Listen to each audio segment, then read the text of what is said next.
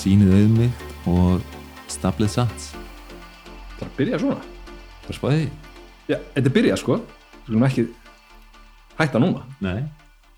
Sínu auðmygt og staplið sats ég held að þessi orð sem eru oft sögð stay humble, stack sats eru bara það er að kristallæsast hversu veist, einföld, skýr og góð skilabóða það er mm -hmm. sérstaklega í ljósið svona nýlegra atbyrða þegar allt er svona chaos þá er bara svona, ef þú ert búin að vera sína auðmygt og bara staplar uh, sats þá er allt going easy for you Mhm.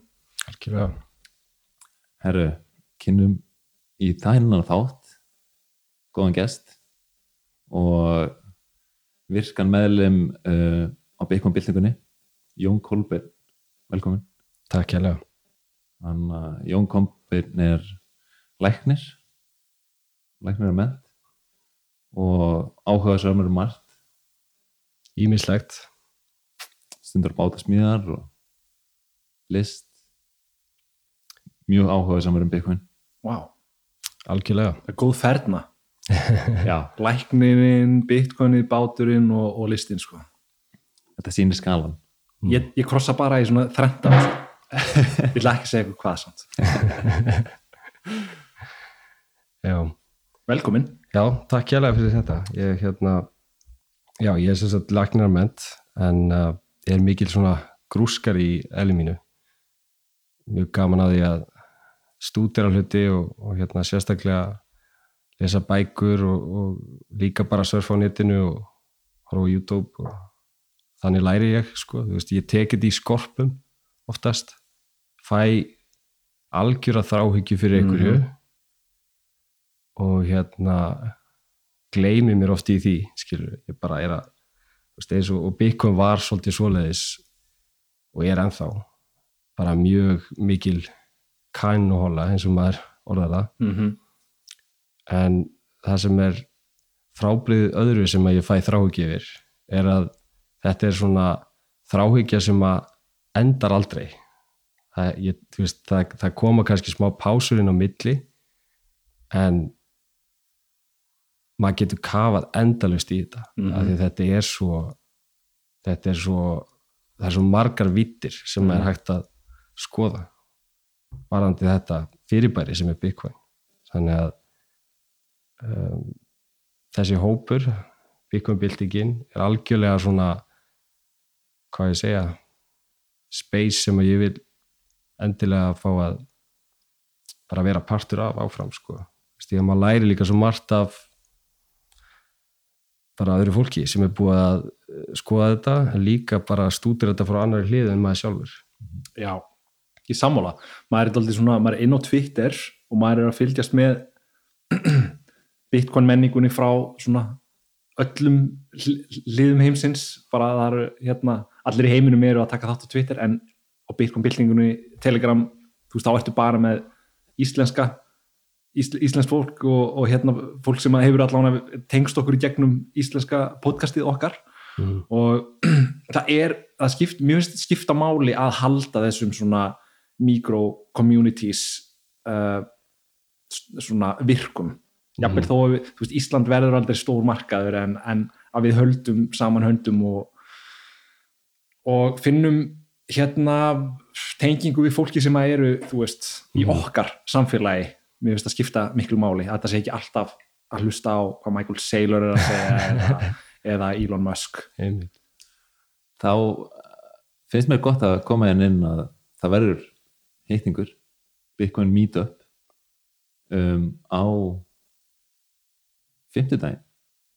Fymtu daginn, já, við þurfum að drífa þessum þætti þá í loftið áður en að hérna, svo við getum kynnt það. Já það var gert. En á fimmtudaginn þá verður uh, Bitcoin Meetup á Hotel Marina þar sem að þetta verður frekar bara svona easy going. Mm. við hittumst þarna klukkan sjö og erum bara að spjalla um Bitcoin og já, Næs, fymtu daginn 8. desember. Klukkan 7 já. ok, við hittumst þar fyrir einhverju ári síðan. Já. Komst þú þangað, Jón? Nei, ég, ég náði ekki á þann fund sko, eða þann hitting. En ég hins vegar hitti hitti bitcoinarna síðast sko, það var á American Bar.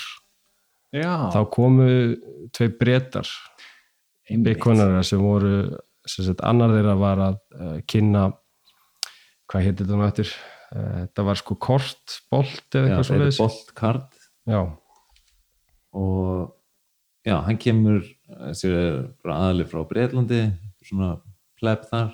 Mhm. og hann er bara búin að stunda það að fara í businessa í Breitlandi og að kynna fyrir þeim bara þú veist, Bitcoin og að þeir geti tekið við Bitcoin Já, og nota sem sagt app þar sem heitir Coin Corner eða Kaupall mm og þetta er svolítið svona svipa á Strike en að þá getur uh, með svona merchant account hjá Coin Corner. Mhm. þá getur þú tekið við Bitcoin eða Lightning og það breytist bara í pund inn á reikningunum hjá, þér hjá Coin Corner og þú borgar 1% fí þannig að hann er svolítið bara svona að fara að milli fyrirtækja og er að segja þú veist þið getur notað þetta og þú veist, þú þarft ekki einu svona að vilja Bitcoin en þú getur búið viðskiptunum upp á aðra greiðsluði og hann borgar bara 1% fís einmitt. og sen eru þeir með svona kort. Þeir eru svona NFC kort já, sem eru tengd við Lightning og ég held þetta mann ekki alveg hvort það var hana, já, Lightning URL tækninni Ok, sem þetta er byggt á. Og þannig að þú ert bara með kort og þú getur skannað posa hjá öðru fyrirtæki og án þess að nota Mastercard eða vísa hana greiðslulegir og, og hana greiðslan fyrir gegn fyrir 1% fí Vá, hvað, þetta er svo mikill game changer sko, í alvöru tala Mhm.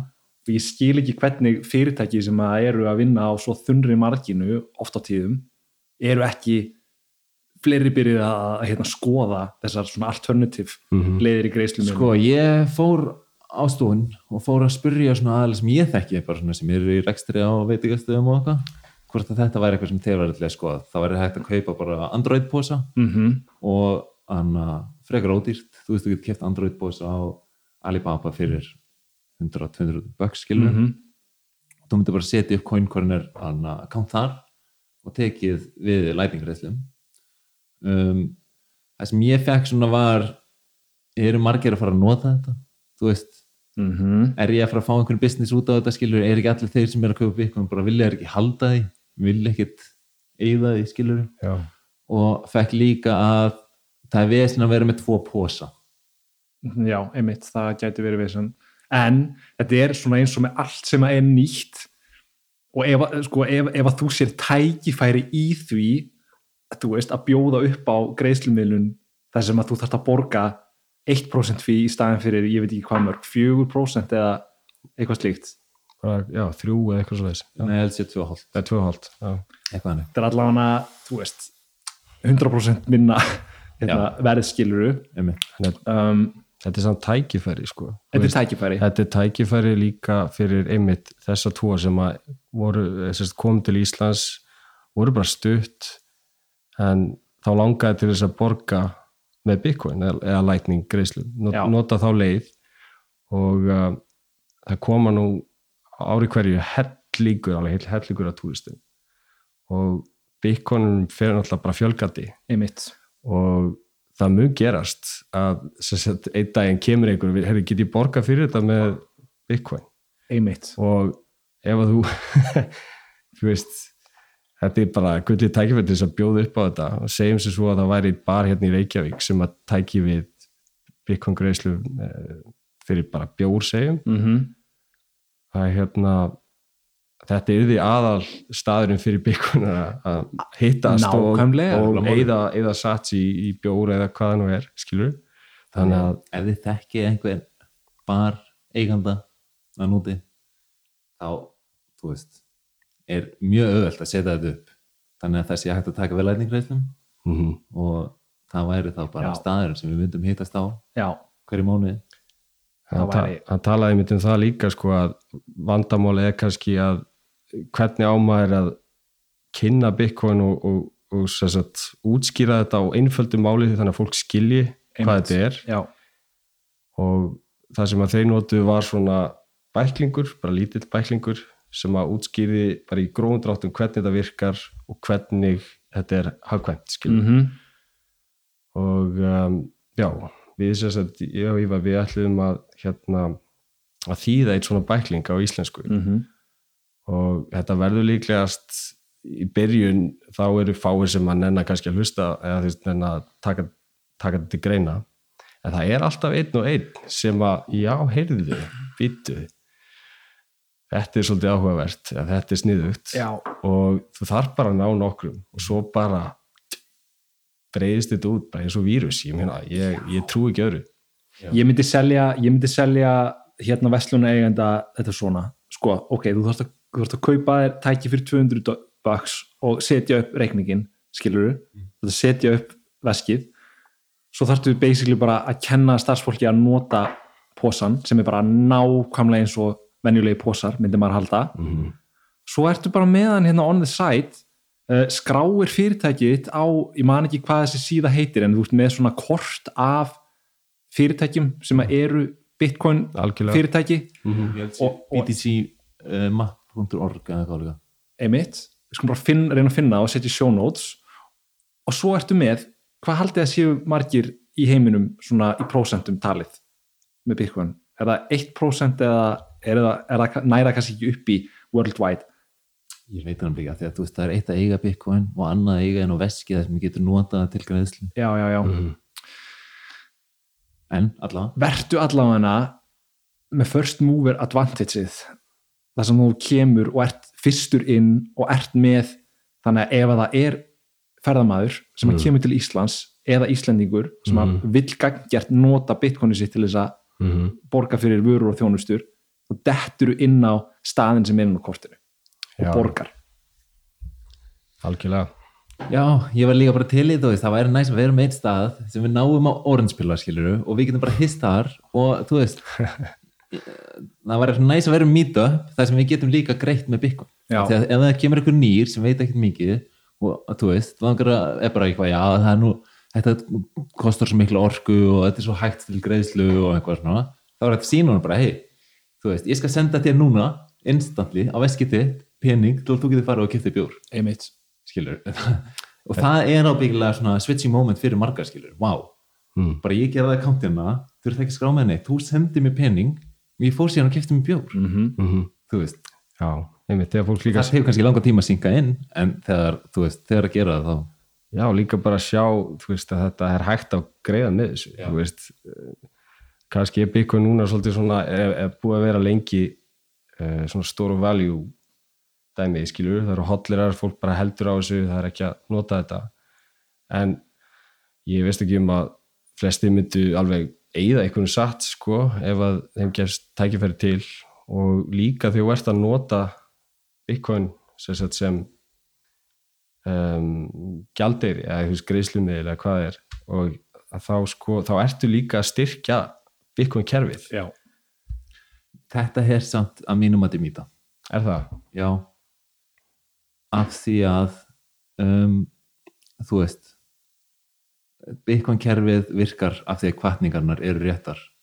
Og Mm. þú, þú veist, átt bara að fylgja þínum kvata og þinn kvati er bara að þú veist safna Bitcoin og ekki að vera að eyða því skilur Já, þannig að, að, að halda þú veist, þú styrkir kerfið með að eyða Bitcoinunum mér finnst þetta margir hugsa þetta og þetta var sérstaklega narrativ með Bitcoin Cash. Þú veist, að, að, að vera að eyða því það er svo mikilvægt. Já, en þú veist, það sé áttur að vera með stó, gott store of value er svo bara svona langt umfram Já, það. það er þetta rétt, það er rétt. og, og það er betra að sé að vera þú veist, í snæði fyrir að, kon- að sé að vera konvertast þá bara svona, þú haldi það lí- styrkir líka kerfið og eigur kaupmátt alla aðra skilur ég, það sem ég var einmitt að hugsa var sko svona sem einhver svona circular economy skilur við, að það Jú, það er þið náttúrulega veist, og það gefur rúm fyrir eitthvað eins og El Salvador til að gerast. Mm já, ég held að þetta bera röp með, með og móti því að þetta sé hérna, styrking fyrir hagkerfi. Ég myndi halda svona að því að þetta er svo nýtt að einmitt fyrirtæki sem er kannski á grensunni með að innlega svona kerfi Mm. veist, um leið úr komin með um leið að það sá aðilega búin að stíga skrefið og svo fær hann dedicate dedicated notendur af þessu kerfi til þess að stunda viðskipti hjá honum. Jafnvel þó þeir kannski hagnist ekki sérst, þeir ætluðu kannski ætluðu sér kannski ekkit endilega að fara nýri bæ og fá sér bjór en þeir ákveða að gera það til þess að styrkja framtak þessa bestlunaræðila Mm. mér finnst það skipta máli sko, það, það styrkir ekki beint kerfið en það styrkir um, það- segja að það styrki hérna um, svona viðhorf nýra þáttakanda í kerfinu það er alveg mjög góð það er, einmitt, orðað svoleiðis. Það er- held ég sé alveg rétt. Hérna, en, en einn sem myndi segja bara svona þú veist, ekki samt fara hana út og eigða öllum bitcoinum við sko að minna, af því að þú veist þú vil spread the message skilur, hugsaði líka um sjálfa þig og þú Klárlega. spara og ef þú ert eigða þú veist, verður, keftu strax aftur. Já, finnst það alltaf góð regla, ef ég eigði bitcoinum mínum þá er ég bara tilbúin að kaupa ekki vera bara eða þessi bjór ekki, þú veist, gera fyllibita á byggunniðinu, skilur, nei, nei það er ekki það sem við erum að tala um, sko. En minna, ef við fyrir aðeins út í kannski hvernig þetta byrja alltaf þér hvernig, svona, já, hjá mér, uh, sko. Hvernig þú fréttir kannski að bitcoin?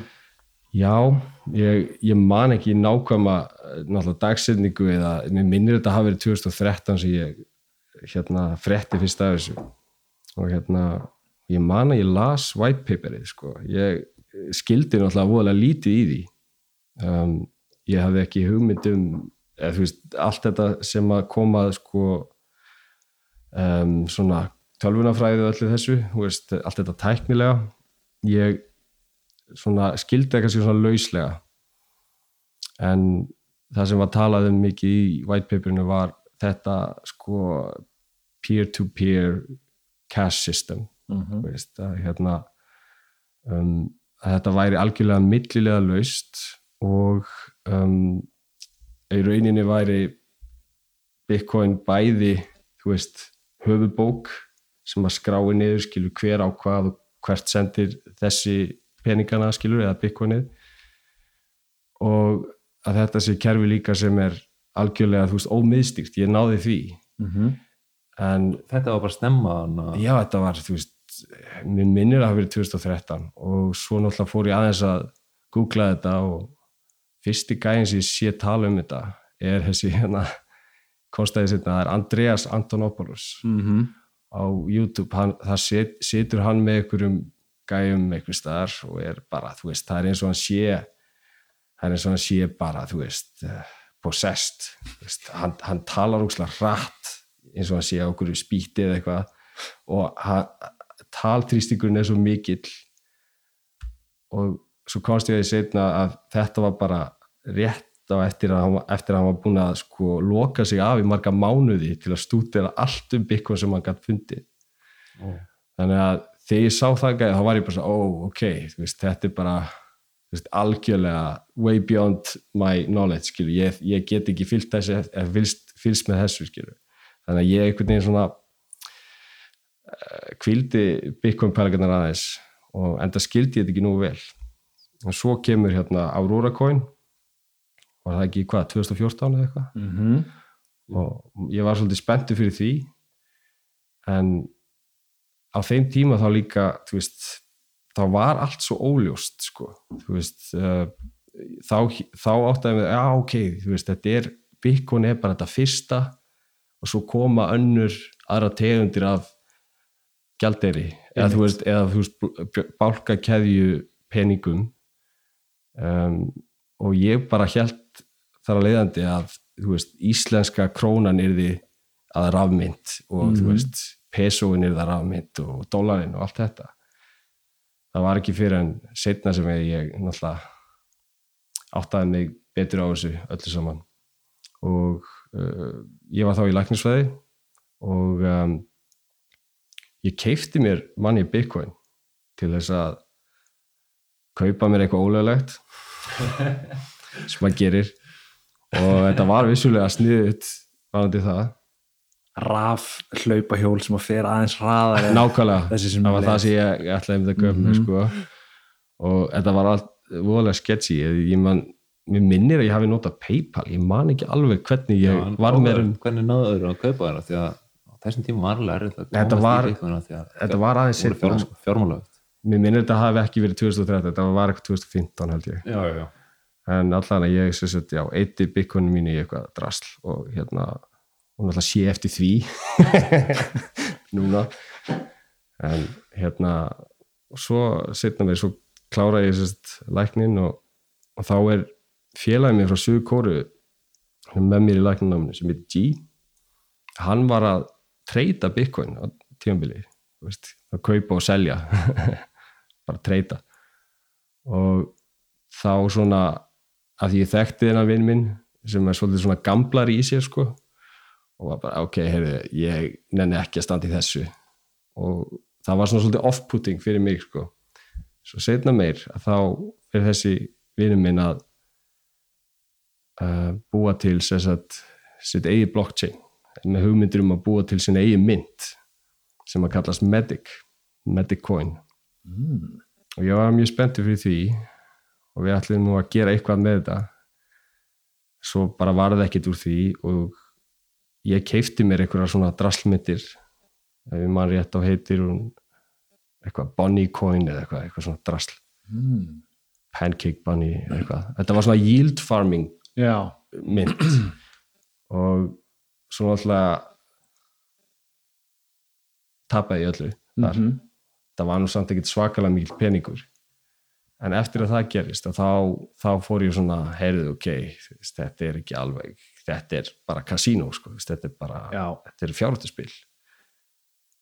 Og eftir það þá les ég Bitcoin standardin og eftir það hvernig dast það bitcoin það? það var 2020 sumarið 2020 og eftir það þá fór ég að átta mig á ok, veist hvað er peningur saga peninga hvernig var þetta allt til hvað eru seðlar gullfóturinn, ég hafði ekki pælt í neinu af þessu sko. og þá bara, þú veist byrja maður að detta niður í þessa kannhólu sko Mhm. Og hættur og ánum spilast maður og svo kynnis maður ívari fer á þessa byggvabildingu og þar er bara hellíka fólki sem er að pæla í sama og ég. Og það er geggjað. Og líka náttúrulega alls konar rifrildi inn á milli en þú veist, bara gaman. Já, já, já, þetta er nefnilega einmitt það hafa allir gengið það verða allir einhvern veginn að ganga í gegnum þennan lærdóm. Allavega svona þeir sem að byrjuðu um, fyrir síðasta eða fyrir búlurönni 2017 myndi maður halda sko. Það var bara svo margt óljóst eins og þú segir Mhm. um hérna þróun þessara tækni. Þú veist, bara að því þú veist að nefna með um, white paperið. Mm. ég sá einhverstað tweetað og ég, ég reynda sann reyndi þetta ekki. Það er hérna eitthvað sem ég hefði kannski átt að gera en ég er nokkuð vissum að standi ekki orðið cryptocurrency eða blockchain í hvítbókinni hans Satoshi í white paperinu. Nú man ég ekki sko. ég, ég, ég held að ég sé ekki að fara með fleipur en þá bara skulum við hafa, hafa það þannig. En það er allavega sko það er talað um Bitcoin sem digital cash mm og þú veist þetta er ástæðan líka fyrir því að það hafa komið upp hugmyndur um, um, um time chain en ekki í staðin fyrir blockchain. Ívar, er þetta heldur að þetta sé ekki rétt hjá mér það sem ég er að segja? Þurfum við kannski að fara ég kannski að fara að tjekka það ég, nokkuð sem að standa ekki cryptocurrency. Já. það er gæti eru blockchain. En bara þróunin sem að gerist þarna in the early days þegar að þessi copy af Bitcoin verða til. Mm og svo er farið inn í the source code og eiginleikunum breytt aðeins hér og þar. Kemur ekki blockchain. Nei, það er talað um blocks. Talað um blocks. 67.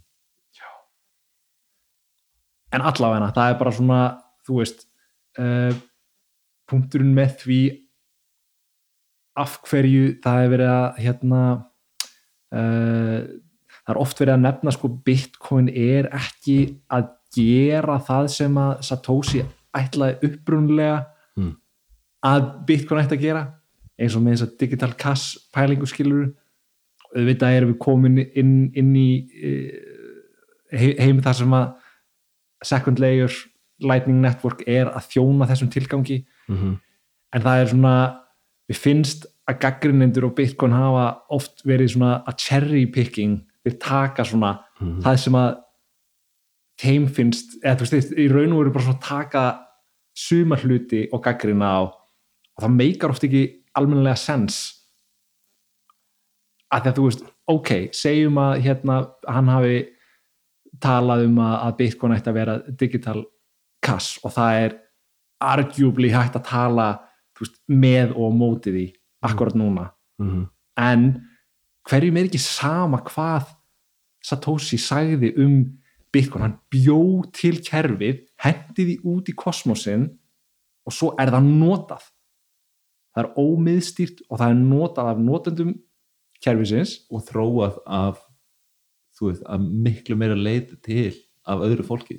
Einmitt, það er, þú veist, annað fólk sem hefur þróað miklu meira í Bitcoin heldur en Satoshi. Já, og þú veist, hann er búin að vera burt í, yfir 11 ár, já. skilur þannig að einmitt, sko, þetta er svo fallega sagt þér Já, þetta er allavega bara svona, þú veist, við þykir oft vera skrítið að, að, hérna, að þetta sé gaggrinspunktur sem að sé virkilega, þú veist, verið að hamra á af gaggrindin, að þessi gaggrindur eru ekkert endilega bara, þú veist, fólk á Twitter sem að er á móti Bitcoin, þetta er fólk sem að er akkurat hinum megin á borðin hjá selaböngunum og, og hagfræðingarnir sem eru að halda uppi núrandi fiat kerfi Mm.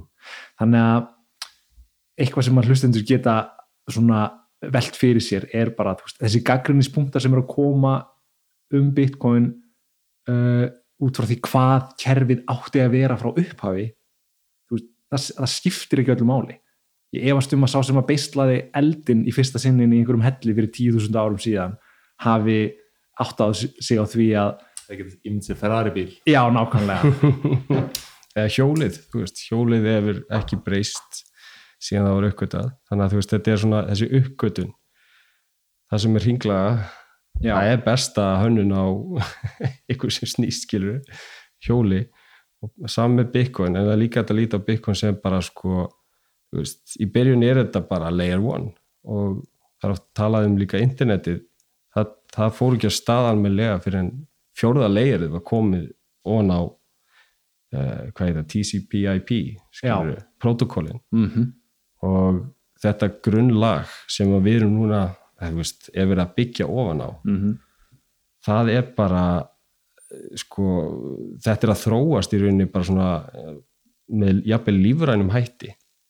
Bara svolítið svo lífvera veist, og þetta er kerfi sem að hefur ekki hakkast eða hakkast eða hvað það er í 13 ár. Og veist, þetta gleymist oft að veist, veit fólk þetta ekki? Að þetta er bara kerfi sem hefur bara gengið non-stop. Tí, á tíu mínúna fresti verður nýtt blokk og skilur og, og hérna, self-auditor. Já, self-auditor og, og, og hérna bara svona eins og hjarsláttur sko. Já, þetta er svona líf, hálfgerð lífvera sko sem lifir, en sem myndi segja þetta væri bara lífur þetta er hálfgerð lífvera sko. Það er samkvæmt skilgrunum já, og sko svona ákveðin svona positive feedback loop Mm. skilur bara einhvern veginn eh, bara harnar og styrkist með tímanum sko. Einmitt. Það er ótrúlegt. Já. og þetta er eitthvað sem er náttúrulega í dag ekki hægt að, að það er ekki hægt að fjallaði þetta. Þetta er bara kom til að vera.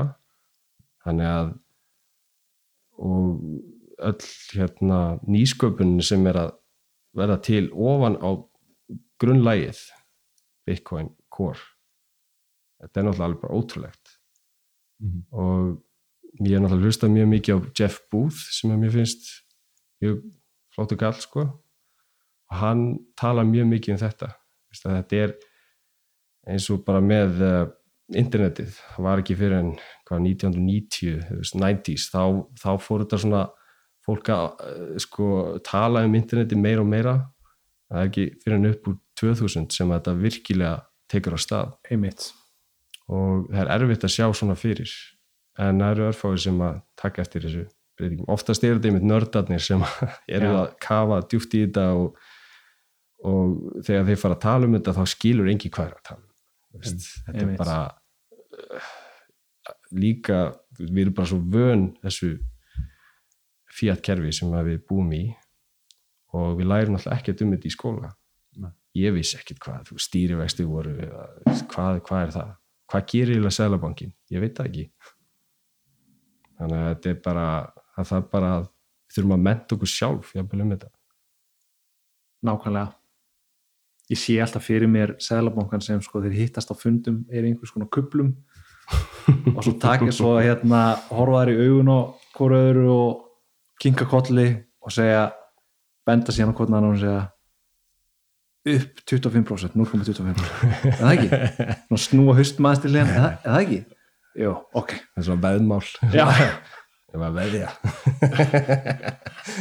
Nei, þetta eru raun og veru sko þú veist vaksta ákvarðanar eru, eru teknar af fólki sem hefur mismunandi hérna skoðanir á hlutunum inn í þessum nefndum og Já.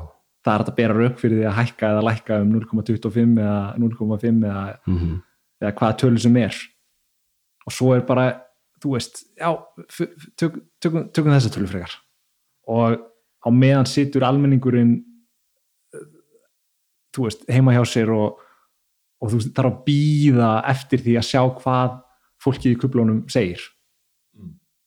þú veist, það hefur enga, enga stjórn á því hvað gerist -hmm. með peningana sína bara, eh, bara, já, einmitt veist, Og- það er já. sérfræðinga væðing sko. Veist, þetta er bara hlusta á sérfræðingana þetta er doldið þannig sko ja, þeir eru sérfræðingar í þessu og það sem við erum að tala fyrir er, er kerfi sem að almenningur þarf ekki að býða eftir á tveggja mánuða fresti eftir einhverjum ákvörðunum það er búið að skrifa í stein hvað er að fara að gerast.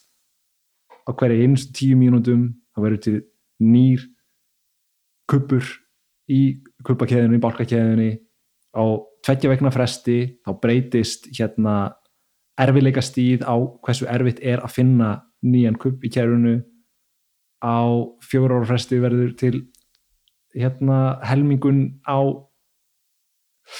verðlaununum sem að um, námu graftar aðelar fá fyrir að finna nýjan kupp í kæðunni mm -hmm. það eru glætt að nefna einhverjar fleiri svona tímasetningar en þetta er í grunninn kerfið og svona heldur áfram.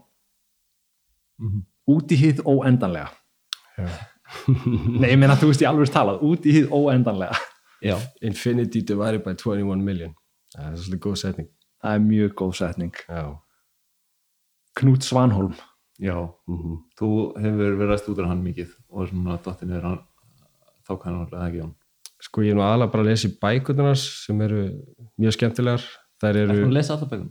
uh, já. Vá. og hérna nýjasta bókin hans Þú komst með eitt eintak fyrir mig. Já, Ég kom mjög eitt eintak fyrir þig. Hún heitir Bitcoin Everything Divided by 21 Million. Þetta er líklegast uppáhaldsmyndbandi mitt um Mhm. Bitcoin. Mm Þetta var bara, ég mann þegar við gerum þáttum þetta. Já, Þetta er alveg sprengir skalan Þú veist, þú ert búin að detta aðeins inn í Bitcoin og ert farin að skilja grunn uh, reglur kerfisins og hvernig þetta, þú veist uh, fungerar sem á, þá tekur það það yfir, yfir brúnum sko. Einmitt. Þannig ég, svona, ég reyni að selekta hvenar ég sendi það á mannesku í bill processinu þú veist hvenar maður hérna, Stýrbúin fyrir fyrir this one. þetta er en ef þú ferðast og fljótt þá fer það bara yfir hausinu algjörlega, algjörlega. Þetta, er, þetta er alveg hár rétt þér þú veist, maður þarf að gefa þetta í skömmtum sko, það þarf að skamta Bitcoin þekkinguna á réttum tíma. Annars, annars verður þetta bróðum mikið. Klárlega. Og þetta tekur tíma. Það tekur tíma að reyna átt að sjá þessu. Og þú veist, af því þetta er eins og ég talaði um þetta er svo, þetta er svo, það er svo margar hlýðar á þessu máli. Það er þetta tæknilega það er þetta mannlega og það er veist, þessi leikjafræði sem kemur hann inn. Og það er líka þessi, þessi kvatakerfi skilur Mhm. og, um, og svo bara bara grunnpælingar um hvað er peningur. Veist, og til hvers notum við peninga? Og til dæmis það að tala um gull og af hverju er það af hverju var gull í 5.000 ár eh, bara talin besti peningurinn skilur og gull er kannski ekkert fullkomið með við Bitcoin. Bitcoin er í rauninni bara gold 2.0 sko, það er bara betra. Af því að þú getur náttúrulega senda í bara heimsins á milli skilur ég að þú veist. Mm og, og hérna en hefða sér að samanskapi svolítið eins og svolítið eins og gull. Einmitt. Svona final settlement uh, um, peningur sko. Já, þetta með tækni já, eða final settlement tekni sko. og þetta er eitthvað sem að kleimis líka er að ef þú sendir sem bara miljard eh, ok, kannski aðeins myndtölu sendum svona 50 miljónir bandakjöldólara um, með þessu hefbundnu kerfum hvað heitir þetta, Swift Swift kerfið, já Swift kerfið Mhm. eða eitthvað svo leiðis að þá er náttúrulega tekin prósenda einmitt ég man nú ekki hvað hann er há en þetta er alveg, þú veist að senda 50 miljónir það er prósenda af því. Mm -hmm. en ef þú sendir 50 miljón dólara virði í bitcoin að þá er fíið náttúrulega miklu lægra. Mhm. og já bara, í, bara þú getur talað í, do, í bara dollurum á já, einni hendi. Já og, veist, og það er náttúrulega bara game changer í rauninni. Mm og gerist svo gott sem instantaneous þú veist, þú, held ég þarf að býða í tvo daga eftir Swift greiðslu Mhm. Bitcoin, þá er þetta komið þú sérð færsluna Mhm. á, á on the blockchain, þú veist eftir nokkrar mínútur og svo ertu komið confirmation eftir að meðaltali tímyndur að því að einn kuppur í, eða einn bálki verður til á að meðaltali tímynda fresti ég veit til dæmis sko kærasta mín hún er frá Brasilíu þegar fóreldra hennar þurfa að senda henni pening eða þegar þau þurft að gera það hún er neitt að koma með vinnu hana hún fær veluna núna en þá sko það var svo stór partur af uh, millifæstunni sem var bara var klift af skilur já, og Bitcoin alltaf miklu hendur upp á þetta að gera sko, senda þú veist, peninga til Brasilíu þú veist, það er, þá myndir maður klálega að velja Bitcoin já, allan tíman sko. þú ert samt að borga hana. Það það er svona 2,5% vís já, mögulega 5 ef að þau vildu skipta þig aftur. En nú erum við líka bara að tala um Bitcoin Core, bara grunnlegirinn já, og náttúrulega senda bitcoin og bara senda bara bitcoin Já. þá myndi vera bara, já, já. Þannig að þetta er, þetta er allt mjög hvað maður segja þetta er frekar augljóst finnst mér en, en það er ekki öllu sem finnst það og þessi kerfi sem eru núna sko hérna bara eins og til dæmis selabankin og það að þessi kerfi vilja náttúrulega ekki vilja bara status quo skil. þeir vilja ekki breyta að þeirra vinnu er náttúrulega ógnað líka með Bitcoin sem að í rauninni gerir þeirra starf algjörlega bara gagslaus sko. einmitt. Þú veist, þú þarft ekki eitthvað til þess að vera uh, fykta í peningastefninu og kæla hagkerfið eða þú veist reyna maður að segja blása, blása það út eða þú veist hvetja fólk til þess að taka meiri lán og svona í þessu skuldadrifna hagkerfi sem við búum í. Og það, ég held að flesti skinja að það er eitthvað að en það er erfitt að setja fingur á hvað það er fyrir flesta nú er ég náttúrulega bara að tala þú veist, bara almennt. Já, og það er erfitt fyrir mig stundum að átta mig á hvað er í raunin að gerast þetta um, og ég skil heldur ekkit hvað þessir gæjar er að tala um þegar þeir eru að veist uh, tala um peninga skilur, um hag, hagfræðina og, og, og fjárhag og svoleiðis. Það er rosa, ég er alveg sammála því það er svo rosalega leiðilegt að hlusta sko, stundum með maður allir leiðilegu þess að hagfræðinga og eitthvað að dissa þá en þetta er bara gott fólk upp til hópa. Já, það bara er með sínar hugmyndir og allt í góðu læg en það sem að mér finnst þér það sem að fyrir tauganar á mér er hvernig það er, það, þeir get ekki talað á mannamáli, jargonið er svo stert hjá þeim. Mm. þetta er svo óaðgengilegt tungumál. Mm þetta er svo óaðgengileg menning að detta inn í það sem þeir eru að tala um það er bara erfitt fyrir inn almenna þú veist, við erum, að, við erum áhugamenn, við erum ekki ef við erum áhugamenn um peninga og svo einmitt, eins og þú veist að segja maður er stundum að lesa það sem að vil skrifa það af sérfræðingunum og maður er bara daldið að klóra þessu hausnum yfir því sko. mm en við teljum okkur samt hafa uh, þekkingu á sviðinu sem að tengist peningum Mm. en það er bara þetta er einhvern veginn gert óaðgengilegt og ég held að sé pínlítið feature not a bug ég þekki líka bara svo marga sem hafa tekið hagfræði á háskólanum og ég, þú veist við erum kannski viðskipt frá að tekið einhverjum nokkra hagfræði kursa og eru engu nær en eftir einn kurs sem við tókum uh, hjá Safety Mm. bara á austurískra hagfræði þá færðu bara svona þú veist, það verður mjög augljóst hvað hagfræði er, hvað hann snýst út á. Mjög, mjög skýrt og svona maður svona eh, ég fæði á tilfinninguna að getur hver sem er fatta þetta? Þetta er alls ekki flókið. Þetta ætti að vera miklu aðgengilega þú veist, og, eh, bara gott er þú veist, til dæmis læknar. Þegar læknirinn þinn fyrir að bladra á latínu skilur við hvað, hvernig átt þú að vita hvað hann er að tala um þegar maður er að útskýra eitthvað fyrir sjúkling skilur hvað er að gerast þá verður að gera það mannamáli. Annars ertu bara veist, annars kannt ekki að tala við fólk. Einmitt. Og um, eins og ég tek undir það veist, þetta er hagfræðingar, þetta er ekki, ekki slæmt fólk, þetta er bara fólk eins og ég og þú en mér finnst svolítið eins og þið sé í svona einhverjum fílabeinsturni eða hálfgerðum svona bergmálshelli. Mm -hmm. það sem að þeir eru náttúrulega bara að tala sín á milli og svo fara þeir eitthvað viðtal og, og bara by- byrja að bladra um þetta. Eitthvað módel og hitt og þetta, veit það ekki. Og það skilur engi hvað þeir að tala um.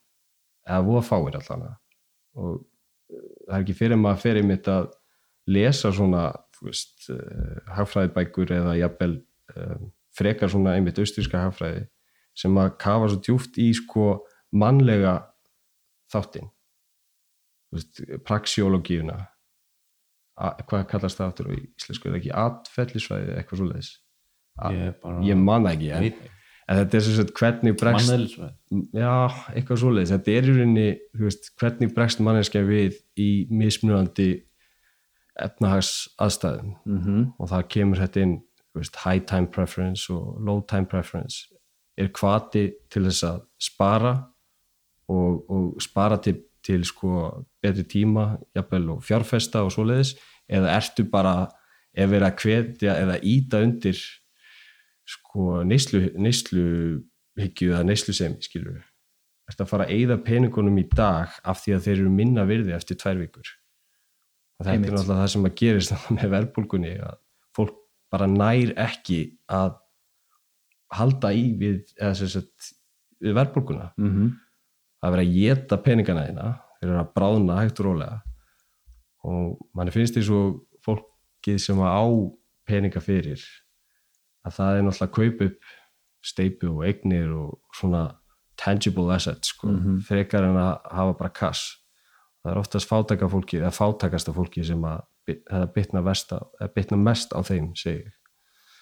Og uh, og það er náttúrulega mjög sorglegt sko af því að og bara mjög óskilvirkt og bara ekki gott fyrir samfélagi held ég. Af því að þú vilt að allir fá að njóta sín allir fá einhver tækifæri til þess að hvað maður að segja, kaupa sér hús eða veist, fá, uh, hafa stöðu á vinnu og bara geta sparað og hugsa aðeins planað sko fyrir sko næsta dag eða leggja upp einhverjar á hérna, hérna já bara plan fyrir framtíðina. Mm -hmm. þú getur það ekki þegar gjaldmiðlin er bara rýrna. Já, bara. Og þetta er svo cool hvernig austuríska hagfræðin setur þetta upp. Mm, að hún beitir þú veist, hún notar svo mikið raugfræði já, og notar raugfræði að komast einmitt að, að þessu með, með time preference. Held að þessi tímaval.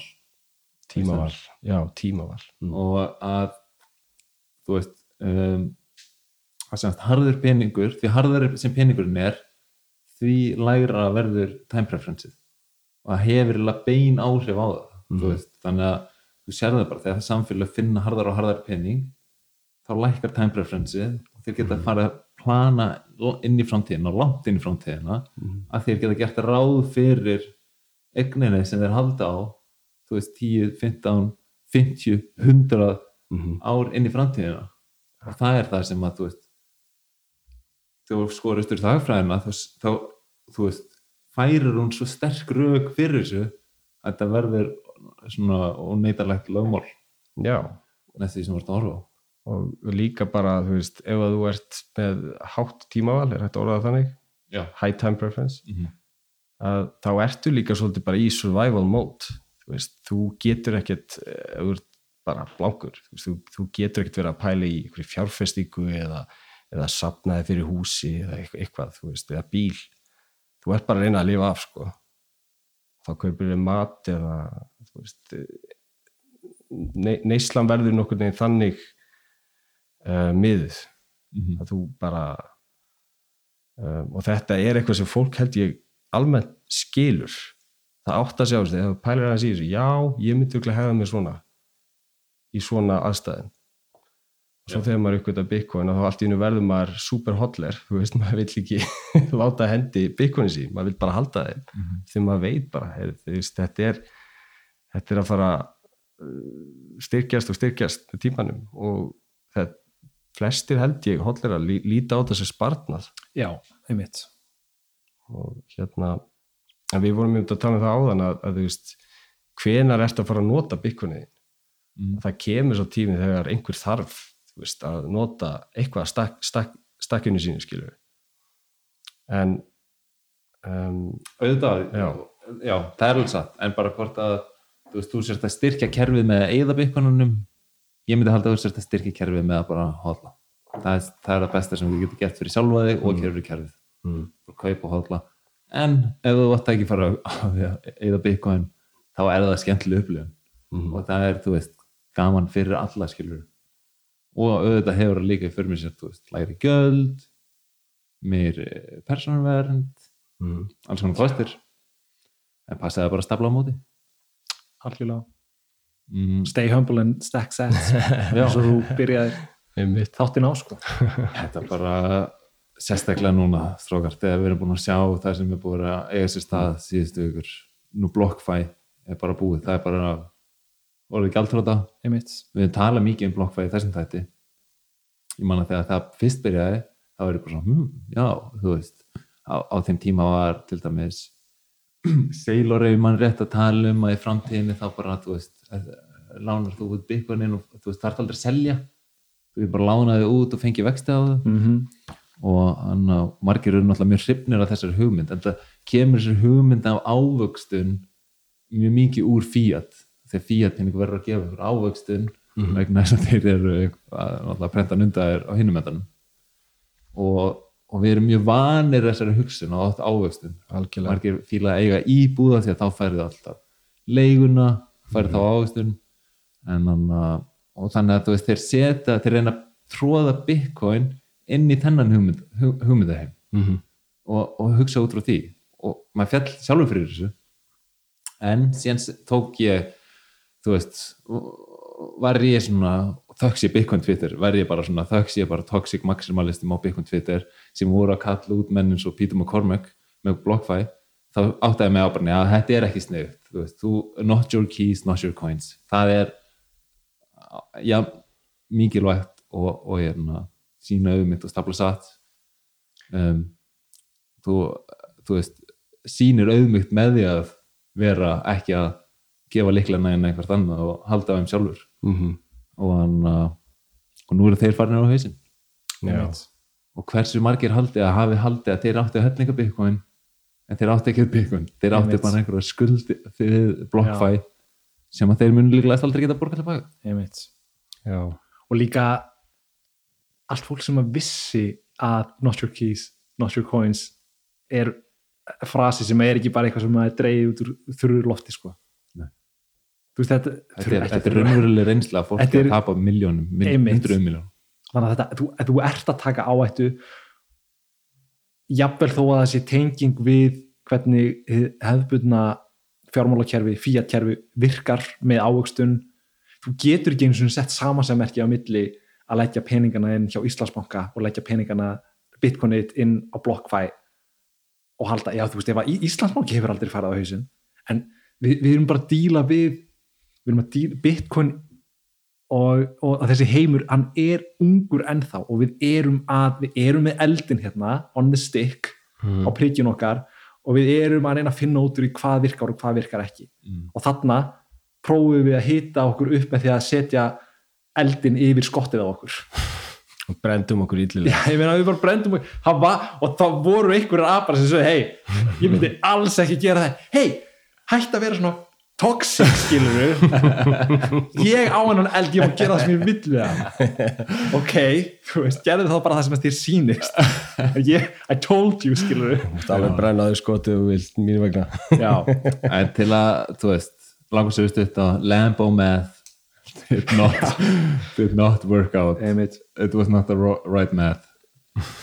Það var sem sagt Pítur McCormack einn vinsalasti hlaðvarps uh, stjórnandi í Bitcoin heiminum í dag já, var mikið að tala um BlockFi og lagði sem sagt inn uh, slatta Bitcoin inn á BlockFi um, til að fá lán og hann notaði lánið til að kaupa sér hérna, bíl og síðan setta hann ennþá meiri Bitcoin til að fá ávöxtun hjá BlockFi og notaði ávöxtunina í að borga niður lánið á bílum það var eitthvað Aston Martin sem hann kefti og þetta var alveg hitamál á Twitter af því að hann er einn af þessum stóru táttastjórnundum og er eiginlega að dreifa kannski, þú veist frekar toxic skilabóðum um, með, með þessu.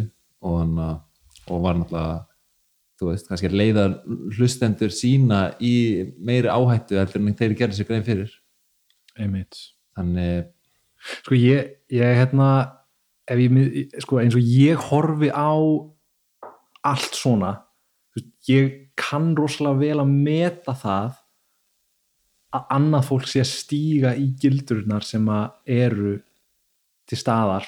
Að þú veist þetta er kannski leit ekkit endilega út fyrir að vera gildar til að byrja með en þarna er einstaklingur sem að ofinberlega talar um að hafa sett peningin sin þangað inn, Peter McCormack. Mm og hann er núna með fótinn í gildurni maður á ekki að hlæja að manninum endilega Nei, en maður á að geta tekið það sem að gerðist, maður á bara að horfa það sem er að gerast og nota sem leksju fyrir sjálfan sig mm upp á framtíðan að gera. Algjörlega. Í staðin fyrir að svona, þú veist, eins og veist, ég, ef ég held með Manchester United og sé Arsenal tapa, þá er ég ekkert eitthvað svona ha ha ha ha, því líkir fá þetta Nei. sko, ég er miklu frekar að horfa á leikin og sjá, ok, herru, þeir klúðruðu þessu svona að því að vörðin var ekki nóg góð og ég ætla að reyna að taka þetta í næsta leik hjá mér líka að því að ég er að spila á mútið saman liði og, og, og vann Arsenal. Þannig að veist, að geta tekið svona dreigja ykkur lærdóm úr Já. þessu sko, læra sína leksi og læra mistökum annara sko, það er náttúrulega það þarf ekki að lendi í því sjálfur eða vonandi einmitt, maður ma vonar að besta maður er ekkert fullkominn þegar maður er hérna þú veist, gekk sjálfur ég gekk sjálfur í gegnum með mitt hérna svona altcoin Mm. fantasíu skilur þegar ég var að byrja í og þetta er rosalega spennandi heimur þetta er allt svo nýtt og shiny, sko. shiny sko þetta er svo shiny þetta er, svo, þetta er svona glans Já. eitthvað, sko. já, já. en svo einmitt, þetta er þessi kaninhóla sem maður kemst ekki út úr Nei. þetta er svona maður heldur alltaf áfram að vera að fylgjast með þessum heimi, bara basically að því að peningur er svo fundamental hann tengist við allt þannig að þú veist, ég get verið með áhuga á bátasmíðum en, en hérna Bitcoin tengist því líka því að peningurinn kaupir, efnið kaupir já, hérna skrúfuna sko já. og stýrið og svo náttúrulega þú veist, mjög mikilvægt í austuríska hafræðinni er náttúrulega hvað er í rauninni verðmætasta eða dýrmætasta uh, auðlind sem við höfum er náttúrulega tími. Já, og hérna tíman er hægt að nota í að búa til allar aðrar vörur þannig að sé sko. Og mér er svolítið flott sko það sem hann Knut Svanholm, hann talar einmitt um að Bitcoin sé sko time saving technology, þú veist. Bitcoin is condensed time þetta er í rauninni svona út frá svona hálgeri heimsbyggi mm en það ertu í rauninni að gera með því að halda á eign eins og Bitcoin sem að bara eikst í verði með tímanum og bara um, með við kannski fiat gjaldmiðla sem að rýrna í verði. Já. og í rauninni er það hálfgjörðu þjófnað bara á tíma. Já, þú ert færið minna fyrir tímaðin sem þú eyðir í vinnu eða bara hvað sem er sko. og þetta finnst mér svolítið mikilvægt sko. já, áhugavert já, tengist þetta þá líka kannski út þarna, því að þú ert með hérna, low time preference og tekur þar á leiðandi betri ákvarðanir um allt sem að tengist bara að líkamiðin að líkamiðin mm -hmm. Nái að vera til í lengri tíma þú tekur Algjörlega. betri ákvarðanir um matinn sem þú borðar Mhm. þú tekur betri ákvarðanir um að, að, að hérna, styrkja líkamann með hérna líkansrætt og hugleiðslu Mhm. það fer út í þetta þetta líka bara svona ekki bara endilega um sjálfa líka bara um samböndin þú byrjar að þú veist, móta samböndin af því að þú veist að þú veist Mm. byrjar að móta sambönd sem þú vilt endist í þú veist, lengri tíma skilur já, ræktar sambönd algjörlega meira. Já, rækta sambönd þín við aðra og líka hvernig þú setur þú veist, mm hvernig þú hugsaður einhvern veginn bara allt sambandið til fjölskyldurna hérna. Það verður allt miklu þú hugsaður alltaf miklu lengri skala. Já, ég held að fólk vilji heldur ekkit endalust vera á þessu hamstrahjóli sem að það sem að lengist bara og lengist þú þarfst að vinna hraðar og harðar að þér og þú farir minna fyrir veist þetta ætti að gera alla bara bannbrjálaða sko.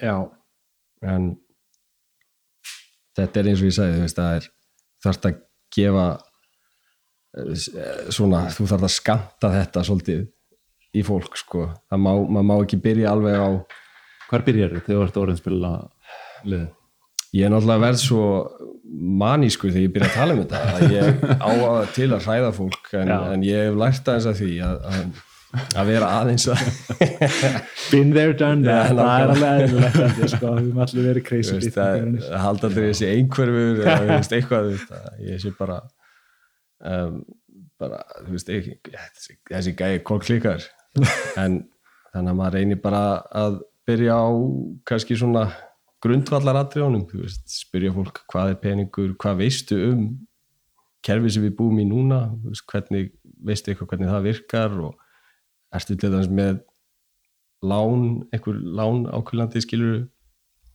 og eh, hvernig það að virka? Já, og byrjaði að hljóma eins og svona tryggingasölum að strax ég sko. veit það, ég veit það. Maður, maður þarf svolítið að reyna að selja líka sko. en uh, svo, svo spyr maður fólk líka veist uh, þegar fóreldraðinu voru á þínum aldri núna, þegar þau voru á tvítursaldri eða þrítursaldri gáttu þau keift sér húsnæði eða hús eða íbúð eða hvað er. Það var bara oftast já.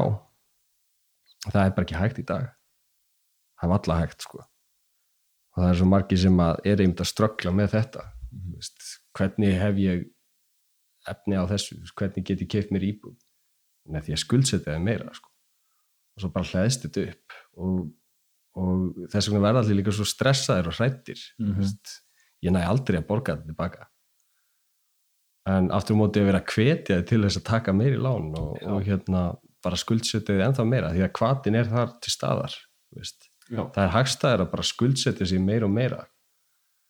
Og þetta er eitthvað sem við þurfum held ég að bara hálfparti læra upp á nýtt eh, að spara er bara mjög mikilvægur þáttur í eh, hvað maður að segja, þessum peningapælingum já, maður myndir bara svona eh, alltaf út frá austríska fræðin það var bara grundvallapartur á er sparnaður og capital accumulation. Mm sparnaður er ekki bara heldur, þú veist, einhver peningur sem er bara inn á bók og þú bara ætlar aldrei að nota heldur fjárfestingar líka verða miklu þú fer miklu, þú er miklu varkarari með hvað ætlar að setja peningana þinn í.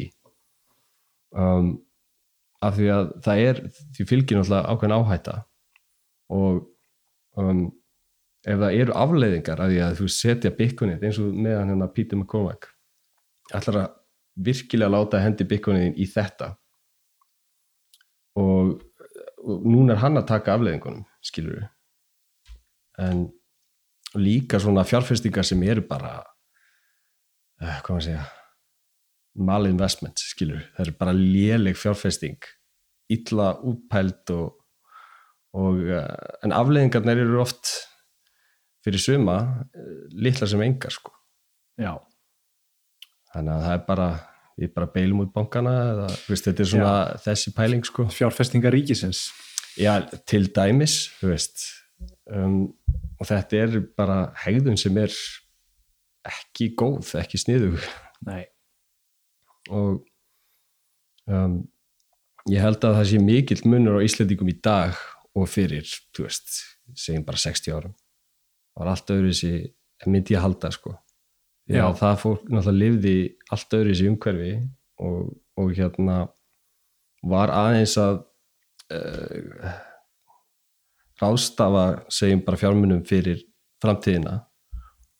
En það er svo erfitt að gera það í dag. Það er það sem ég er að reyna að segja sko. Veist, það er næstu því ómögulegt. Nema þú finnir einhverja flýtileið mm og um, svo verður ég að segja manni að setja meiri peninga í eitthvað svona áhættu fjárfestingar. Og það er eina leiðin til þess að halda í því skilur verðbólguna og þú þarft að taka fleiri og fleiri áhættu, meiri og meiri áhættu skilur Mhm. og uh, það er náttúrulega bara ekki gott það að- er sorglegt að þú ert búin að hætta tímaninn Já, þegar algjörlega þú vannst fyrir penning Já, og það ætti bara að hafa verið nóg fyrir þig til að síðan að halda veist, fyrir það átt að eitthvað sem að þú veist helst í verið þannig, þá getur þú fyrst byrjað að plana sko. Já, þá getur þú byrjað að plana. Þú veist, ég allan að sé fyrir mér ef að ég ætla að gera eitthvað, byggja mér hús þá auðvitað myndi ég vilja byggja fyrir byggur algjörlega. Um, bara þá get ég séð fyrir mér ok, eftir kannski tíu ár eða eftir fimm ár, þá get ég gert þetta og þetta mögulega. Mhm. um, það er bara ekki séns með íslensku krónuna sko. Nei, ekki, ekki í dag sko. Og þeir eru ítt úti að vera einhver veist, við veitum það ekki á allra manna færi að vera fjárfestir. Það er bara mjög flókið verkefni. Já, og bara allir þannig úti sem er að gera alls konar hluti, Mm. eiga ekki að þurfa að gera það og við lærum á austurísku affræðin að division of labor Mhm. er svo mikilvægt mm. að fólk getur sérhæft sig veist, að sé actually bara gæi og eina sem hann gerir er að fókusera á að gera speilin baksinn speilin á veist, en hann getur lifa öllu sínu lífi og á börn og á hús og bíl og af því að hann er í hækjörfi að fólki sem nær líka sér hafa sig. Og þau communicate öll í gegnum það verður skilvirk, skilvirkara og bara, þú veist, einmitt. Og uh, já, þú hefur ekki tíma segjum bara, ég er læknir, þú veist, ég get ekki verið að pæla í einhverjum verbreyfum allan daginn. Veist, ég verð bara að fá að sinna því sem að ég á að vera að sinna og það er að, veist, vera læknir skilur en, en það er nú að segja bara, já, þú ætti að eiga tvær vinnur. Þú ætti bæði að geta mastera þetta að vera læknir mm. skilur og að fjárfesta svo peningiðin í kjölfarið. Já, þú veist þannig að auðvitað á það ekki að vera þannig og í náttúrulegu kerfi, það sem er ekki verið að svíkja og stela eins og fíatpenningur er og þá er það bara, þú veist, þá er það alltaf þannig. Eins og gull var sparað penningin og það, það býr bara til grundvöldin að því að, að geta hugsað lengra til framtíðar, lækar tíma á verið og þetta er allt mjög svona lógist og austríska hafræðin, hún er svo magnuð þetta ætti, ég myndi ekki segja að þetta ætti að vera skildufa en þetta er alltaf fag sem að maður mæli með. Já, bara upp veist, jafnveg bara að taka grunnkursin í þessu þessar pælingar. Er þetta væri hægt að taka efni þessa kurs og búa til eitthvað svona þú veist, fyrir börn? Bara þú veist, fyrir tíu ára börn að skilja grunninn í því hvað peningar eru. Að það, þú veist ég man, ég, þú veist, maður, maður byrja, ég á stelpu sem er fimm ára gömul, hún, hún er með peningapílindu á heilanum, sko, og ég tala aldrei við hann, ég tala aldrei við hann um bitcoin. Ok. Ég bara geri það, ég, það er ekki rétti tími til þess að gera það finnst mér, Mm. að ég vill ekki að hún sé þú veist á leikskólanum að tala um bitcoin. Nei. að því að mér finnst það að vera það er bara svona þú veist, doxing element í því og svo annað, skilur við, bara það er eiginlega too much Hinn er fóröldandi bara, æ, þetta er hérna Bitcoin pappin hana. Já, það aldrei þannig sko. það aldrei þannig en líka, þú veist, hún hún hefur rosalega mikið áhuga á því að ekki bara fá peninga að þeir eru, þú veist, þeir eru fallegir silfurlitaðir og gullitaðir hérna, krónur skiluru Mm. og þú veist með seðla þetta er allt mjög svona flott og hún veit að mamma og pappi noti þetta til þess að kaupa hluti og hún hefur sapnað sér pening og fer út í búð og kaupi sér eitthvað dót. Þannig að hún er komið skilning á því hvað þetta er. En hérna ég er rosalega spenntur fyrir framtíðinni að, stíga síðan næsta skref og, og útskýra betur fyrir henni hvað peningar eru. Ég hef talað um þetta einna áður í þessum- í þessum þætti held ég. En mér finnst eitt svo ótrúlega merkilegt við börn og ég er að fylgjast núna með á leikskólanum. Krakkanir eru úti og þau gera í því að sapna sér skeljum og steinum sem eru með einhvers konar kristöllum í Mm.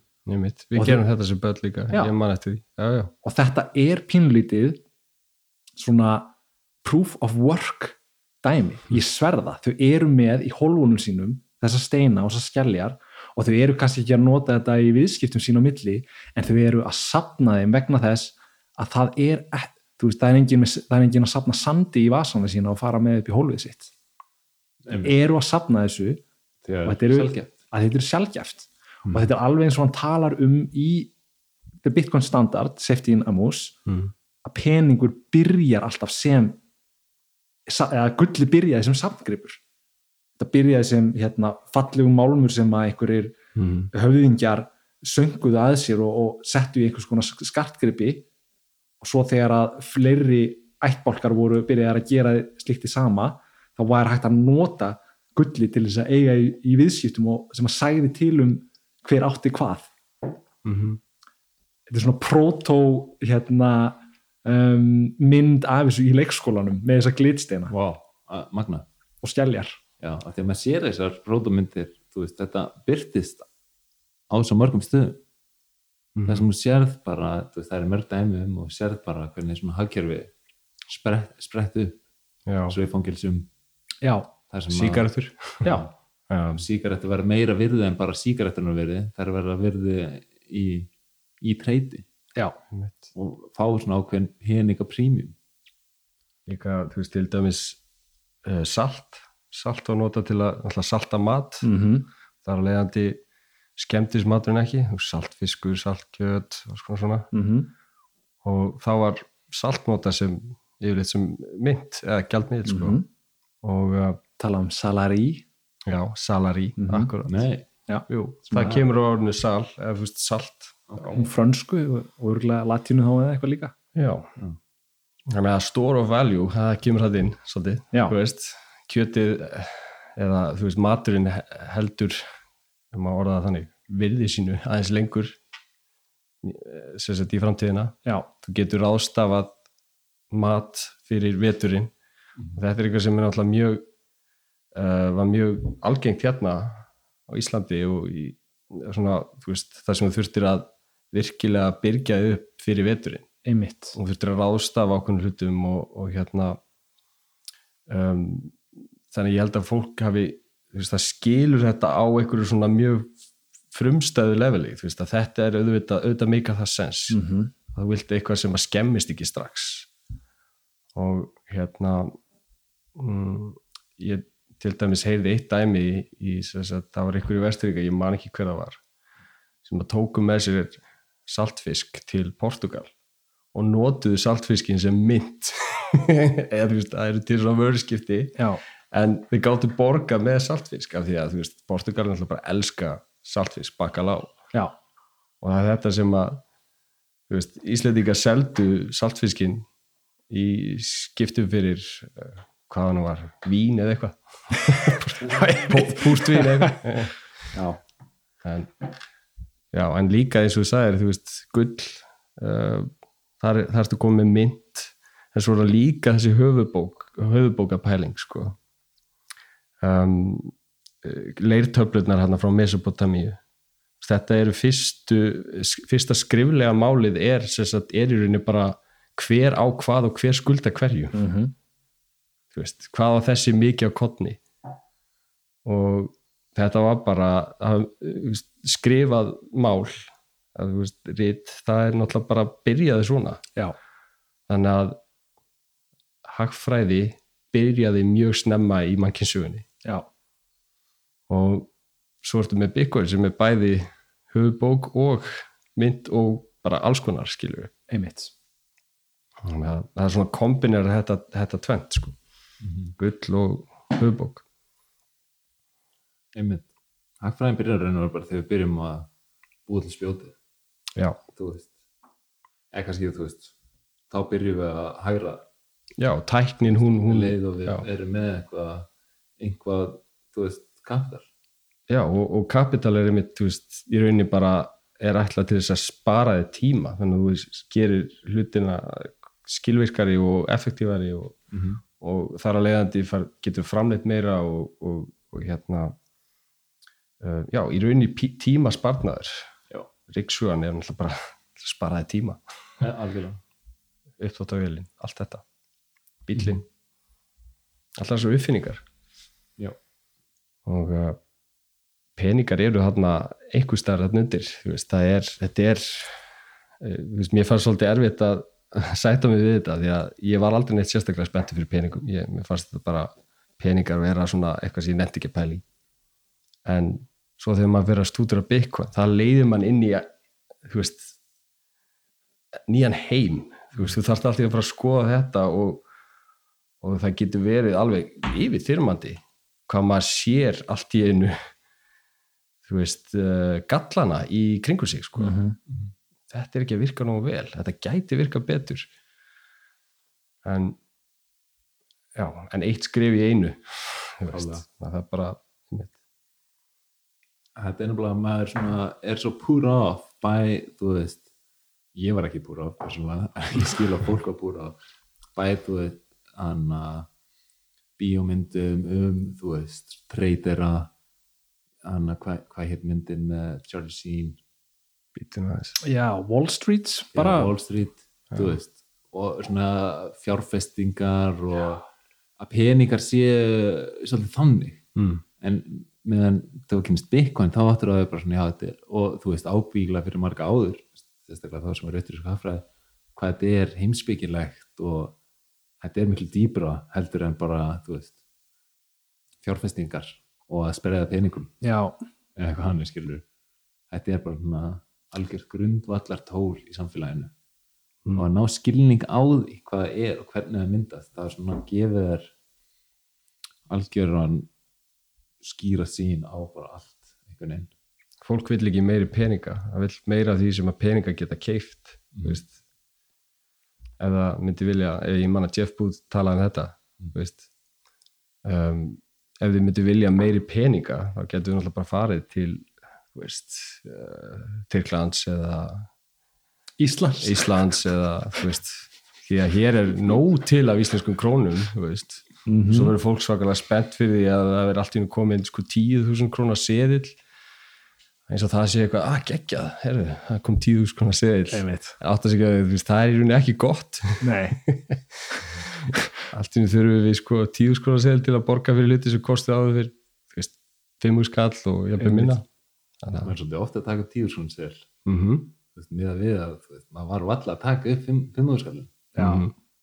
hann var alveg bara bygg þetta er svona uh, þú veist, þetta er svona laumast sko að þér einhvern veginn, hægt og rólega þú, tekur, þetta gerir svo að hægt að maður jafnvel tekur ekki eftir því. Ég hefði svona 10% pluss þá er þetta hægt að laumast. Já, ég held að sé rétt. Þá verður þetta farið að vera svolítið svona skokkandi eftir þér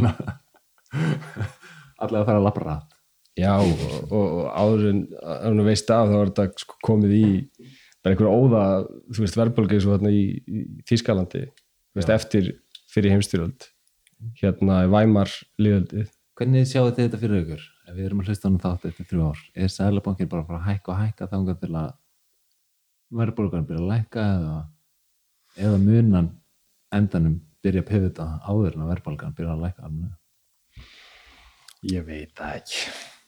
Ég held að það snúist allt um hvað gerist vestanhafs í bandaríkunum sko. Já, einmitt, það er svolítið svona matikan og það, þeir stjórna öllum öðrum sæðalabanka kirkjum Já, það virðist vera að það sé allavega svona, þú veist, það er veist, með hérna, BES, Bank of International Settlements líka sem að er, er það ekki svona aðal reglífun sem að er yfir öllum öðrum? Og svo ertu með hérna band, bandaríska sælubankan og, og ECB og ég veit ekki. Gjaldriðis Já, alltaf gældileg sjóðurinn líka, já. Mm Dólarin stjórnar svona eða fíatferðinni svolítið. Já, Já, ég veit ekki, ég, ma maður vil ekki vera ég, ég bara veit ekki svona hvað maður myndi segja sko, til þess að spá um hvað gerist í framtíðinni. Það er rosalega erfitt en það er einhvern veginn, það eina sem maður sér er að það verður óhjákvæmilegt í framtíðinni á næstu bara misserum að peningapröntunum mun halda áfram. Þau munu neyðast til þess að íta á ender í Excel-skjálunum sínu og bæta við nokkur núlum sko mm. og það verður bara til þess að að hérna fólki sem að fær peningana fyrst frá seðlabengunum ráðstafar þeim í að kaupa eignir og það mun þennja út verð á eignum enn meira sem mun náttúrulega vera greiðarlega gott fyrir fólki sem að á fíati til skamstíma algjörlega en Skammt svo, svo hérna mun fátæka fólkið blæða eins og þú vorst að segja Jón Mhm. Það mun hafa góð áhrif á, á, á bitcoin af því að hluti af þeim peningum sem að fer til fer frá selabönkunum á það sem að fá fyrst peninga the smart money basically Mm. á eftir að, að ráðstafa þeim í Já. að kaupa bitcoin líka þeir sem fá sko nýprentuðu seðlana, þú veit að sé allt dig- digitalt nokkuð veginn í dag veist, þeir njóta það fólk nýtur góðs að því sko það græði mest á verðbólgunni þannig að það eru sumir uh, hagsmunna sem, að- sem að vilja verðbólgu, allan að eins og segir til skemst, tíma þá er þetta hagstætt fyrir þá. En það er ákveðið lagtæm skilur já, og þegar þetta komið hendur bara þeirra sem minnst mega sín skilur að þá þá þurfa þeir eða þau yfirleitt að borga brúsan sko. Veist, þeir, þetta bitna mest á þeim sem eiga minnst. Og mér finnst það bara veist, mér finnst það bara sorglegt. Mér finnst það bara mjög sorglegt. Já. Það er sorglegt en líka bara svona þú veist, Og þetta bara- hefur alltaf verið svona. Og þú veist, ef við horfum bara á heiminn í dag það er, hvað, eitt þriði af heiminum sem er the unbanked, sem að fær ekki break. breyk hjá hérna fjármála þjónustum fær ekki að opna bankareikninga. Þetta er fólkið sem að uh, fekk nóg í El Salvador þetta er fólkið sem að fekk nóg í Nígeríu mm -hmm. þetta er fólkið sem fekk nóg í öllum þessum þriðja heims ríkjum sem eru núna alva, sem að eru annarkvort búin að innleiða bitcoin inn í hagkerfi sitt að einhverju eða öllu leiti eða eru að hugsa um að gera það. Núna eru dæmin að skapast. algjörlega Case studyin eru nú þegar skrifuð fyrir bitcoin. Við erum kannski ennþá, þú veist, þurfum að býða kannski í nokkra mánuði eða eitt, tvö ári viðbót þangað til að hérna verðið á bitcoin um, sjáum hvað gerist með það þegar og ef það verður annað búlrun í bitcoin sem að ég býst fastlega við án þess að alltaf að segja það að það verði fyrir víst mm. en þá verður kannski loka punkturinn í, í keistötiðinu skrifaður fyrir ríki eins og El Salvador. Mm. Þá eru þau búin að sína fram á það að þetta hafi verið ákvörun sem að skipti sköpum fyrir þeirra þjóð. Og fleiri ríki munum vilja leika þann leik eftir. Einmitt. það er líka svolítið sko magnað að sjá þetta gerast fyrst í þessum löndum það sem er búið bókstaflega að vera er búið að sko nýðast á þessu fólki sko. Og uh, það neyðist svolítið til þess að taka málinn í sína hendur. Og þetta er bottom up. Þetta er ekki top down. Einmitt, þetta er svona, jafnvel svona grasrótar eitthvað. Uh, og það er bara þú veist, magnað að sjá það að gerast. Þannig að ég held að einmitt þessi þróuðu land svo kallu Ísland og Vesturland við verðum líklega seinust til þess að taka þetta upp sko. ég, ég, ég held það sko að því að fólkið sem að situr við, við stjórnvölinn skilur þau þau hafa en, ennþá þau hafa ennþá gott skilur þau, já, já. þau, þau vilja ekki taka þá áhættu fyrir sjálft sig Mm. að missa kerfið sem að hefur nú þegar Mm. borga brúsan fyrir þeirra já, líf. Einmitt. Að það gerir það bara ansi gott held ég sko. Já, bara hrætt við breytingar sko líka.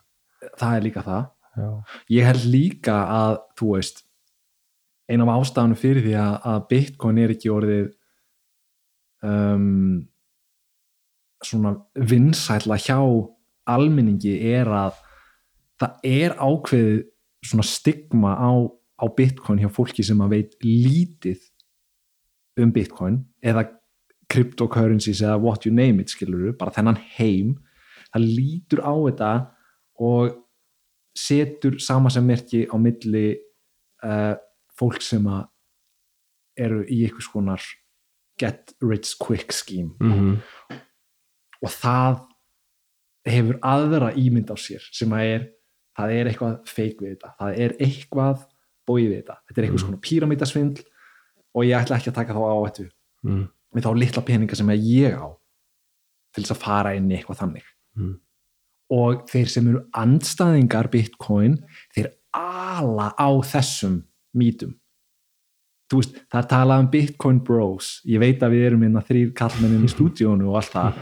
En þú veist, þetta fyrir tauganar á mér ekki að því að, það, að, því að ég verð sár yfir því að hérna, vera kallar Bitcoin bro en þetta er aldrei svona út í kosmosið er verið að senda út þau skilaboð að Bitcoin bro. Hva, ég meina hvað, þegar við heyrum Bitcoin bro þá, he, þá hugsa ég strax þetta er bara einhver, þú veist, ungur dude sem að bara, þú veist, veit ekkert hvað hann að gera setur peningur sem hún er bara skilur Mhm. og það er svo akkurat ekki það sem við erum að standa fyrir. Það er svo akkurat ekki það sem við erum að hugsa. Við erum að taka þetta út frá grundvelli peninga, bara svona hvað erum við eiginlega að tala um? Við erum að fara algjörlega ofan í grunninn og byggja upp hugmyndinu okkar frá grunni. Þannig að það er svona litlar litlar svona eitur örvar sem að eru, uh, eru svo pyrrandi sko. það þurfa alltaf að vera svara þessu aftur og aftur. Það maður verður bara að læra njóta þess já, en þú veist, það, er ekki það að það, hérna, það særi mig, en þetta er meira bara svona uh, þeir eru svo mikið að viljandi nota frasa sem að þið eiginlega vitið að eru ekki réttir til þess að hamla því að, að annað fólk taki sér til og, og kanni, kanni málið. Já. En, eins og ég segi, þú veist, ef við værum með bar þar sem við getum borga bara, bara einhver sem getur tekið upp eitthvað já, og þú sérð upplifið það. Þá skiptir ekki máli ef einhver segir við þig að Bitcoin eigður svo miklu orku. Vissir þú að ein millifæsla tekur svona miklu orku? Bara ha, ég var að millifæra. Ég var að kaupa mér bjór og það kostaði minna heldur en hefði ég notað kortið mitt. Hvernig getur það þá verið að þetta sé svona óhagkvæmt og notir svona miklu orku? Þú veist, hver er að borga fyrir þessu orku? Þannig að þú veist bara upplifa er oft klikkið. Já, og þú veist, þá bara svona þá skiptir ekki máli hvað fær mikið fött á þig. Þú ert, þú veist, þú veist það þú er búin að sjá að það er ekki þannig. Einmitt. En en, sko en síðan sýnir þetta líka bara fyrir ekki hvernig fólk Mhm. hugsar. Algjörlega. Og það er oft bara paróta eitthvað sem það herði, skilur já, af því að ekki fór það bara einhvað fór að geta pæli í það og eitthvað eitthvað svona miklu orku. Það bara heyrði það í fjölmjölum, skilur já, já. honey badger doesn't care. Uh, honey badger don't care. He don't care he don't care he's pretty badass. Þetta er svona eins og sagði Jón, að vera í grasrótinni sko, þá þarftu að vera pínlítið eins og Indiana Jones í frumskoðinu þú ert með sveðjuna allan mm liðlákan daginn og fokk, það getur verið þreytandi stundum sko, að vera að hjakka í þessu sama gamla skilur, aftur og aftur. Já, en ég meina það er bara pínlítið það sem að við neyðumst til þess að gera á, á þessum tímum það sem að þetta er að byggjast upp. Mm -hmm. Og nú er tíminn til að vera að þú veist, kynna fjölskyld og vinum fyrir Bitcoin. Nú er tíminn. Einmitt. Við erum bara hérna í miðjum bjarnamarkaði og fyrir fólk til að fatta þetta á grundvallar leveli og byrja síðan að stapla einhverju mánuði. Já. að það er svo mikilvægt að bara svona ekki vera að henda inn einhverju uppæði sem þið líður óþægilega með bara setja eitthvað smá í hverju En það er eitt í þessu sko, ég teki eftir þegar ég er að reyna að fræða fólk um þetta að það spyrir alltaf hvað fær þú út úr þessu? Veist, hvað græðir þú á því að selja mér þetta?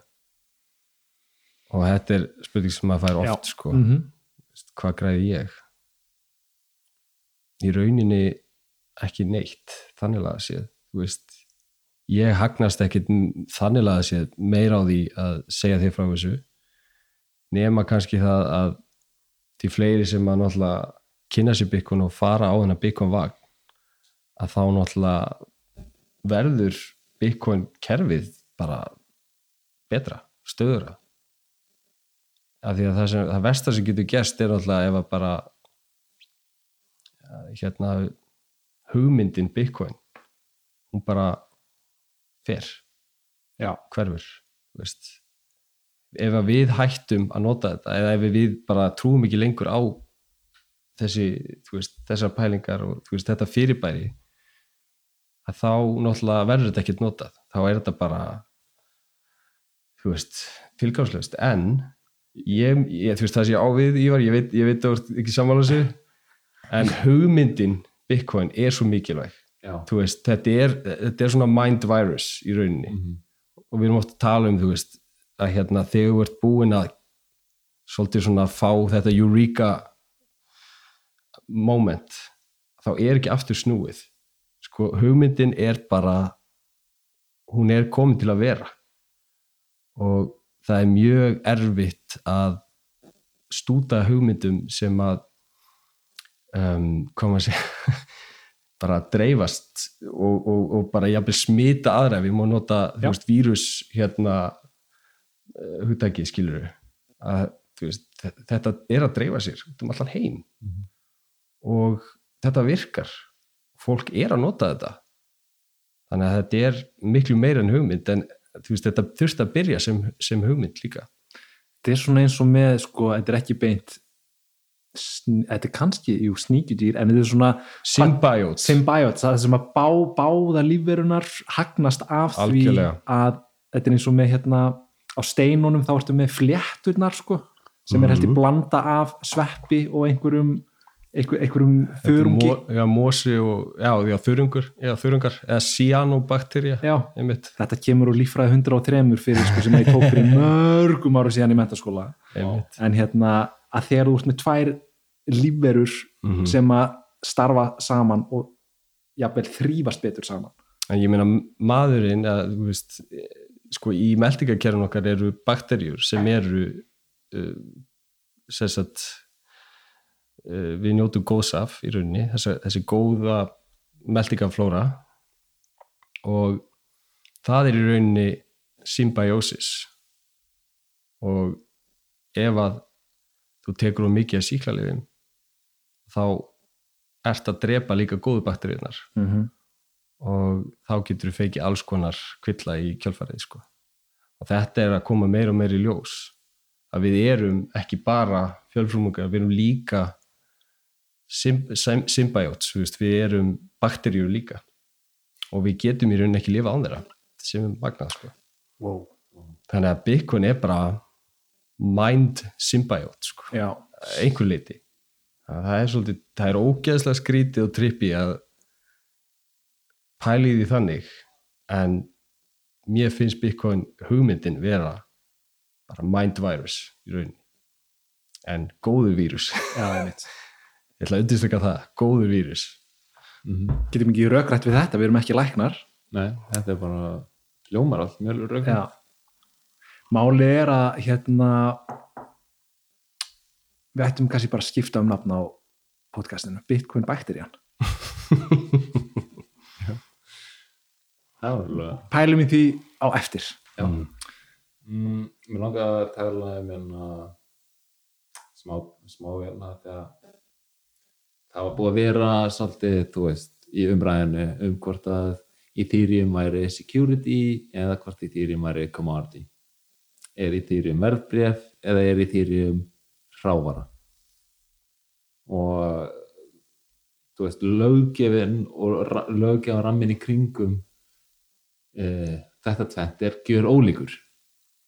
Og það var alltaf ljóst að Bitcoin væri hrávara af því að það, þú veist er engin miðstyrur útgefandi af þessum Bitcoin mm -hmm.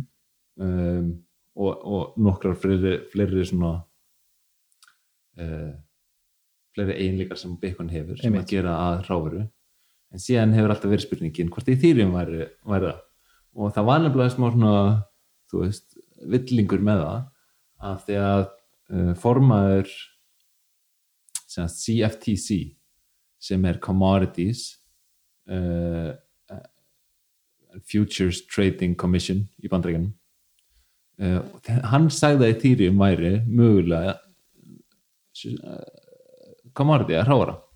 Og nú kom hann nýlega var með fyrirlestur hjá Princeton og var að tala um þetta og gerði það ljóst að Bitcoin væri eina rafmyndin sem væri sem sagt commodity.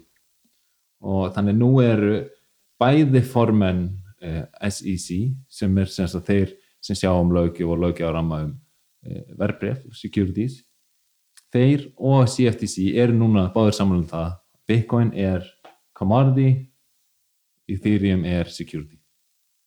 Stór fréttir hell yeah stór fréttir, Þú veru- ekki mikið um þetta. Nei, og þetta er, já, stór fréttir og bara það sem er Sailorinn hefur náttúrulega verið að tala mikið um þetta. Já, Max Kaiser verið að tala mikið um þetta. Einmitt. Og þetta er orðið ljóst.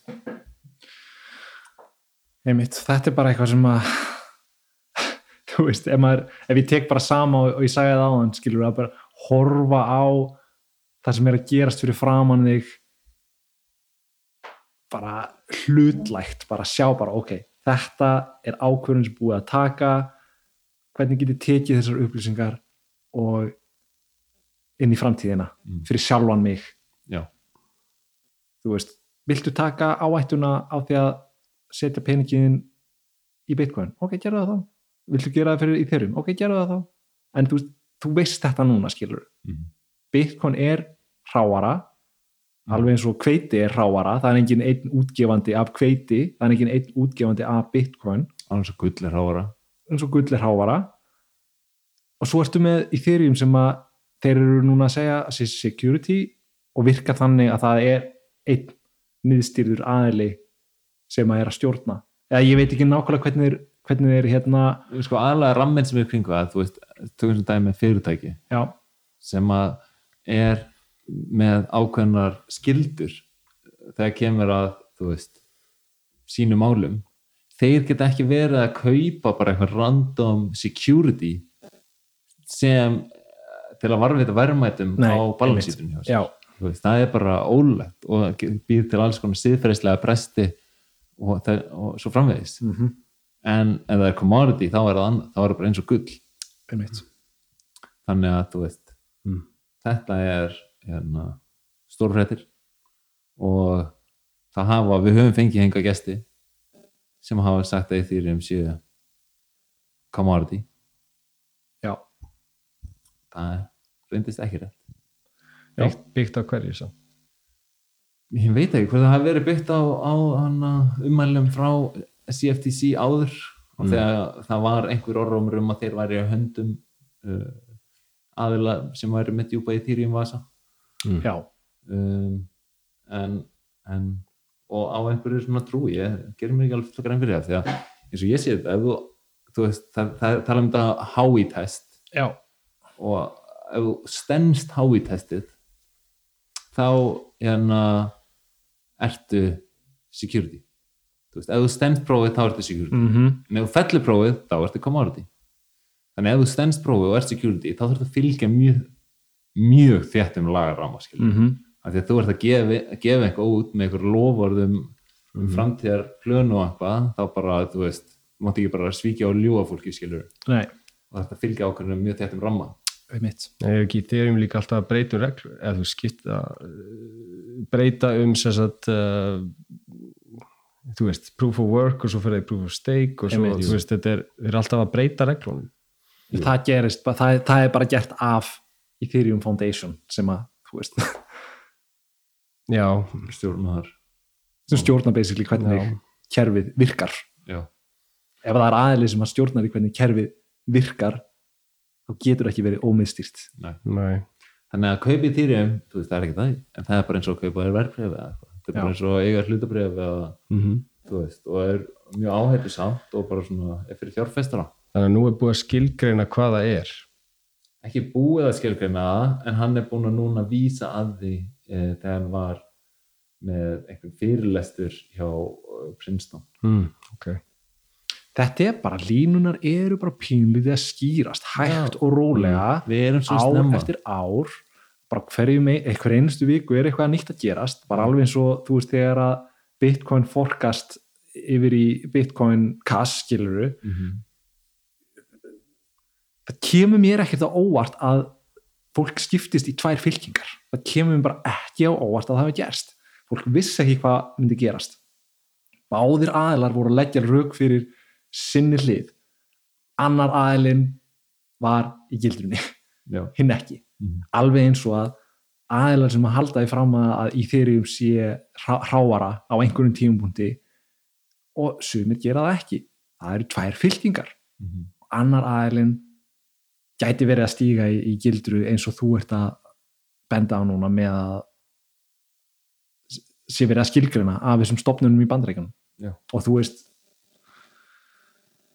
já, þetta er bara sama sagan aftur og aftur bara, og þetta er líka bara nokkuð ljóst ef þú kafar í það sjálfur að þú veist, þú skoða bara hái testið og hérna, þá er það bara nokkuð ljóst það, ef það er einhver aðili sem gaf út sem sagt tókenið eða hvað er skilur fyrir sjálfan sig áður en sendi öðrum Mm. þá er það strax búin að standast það. Mm -hmm.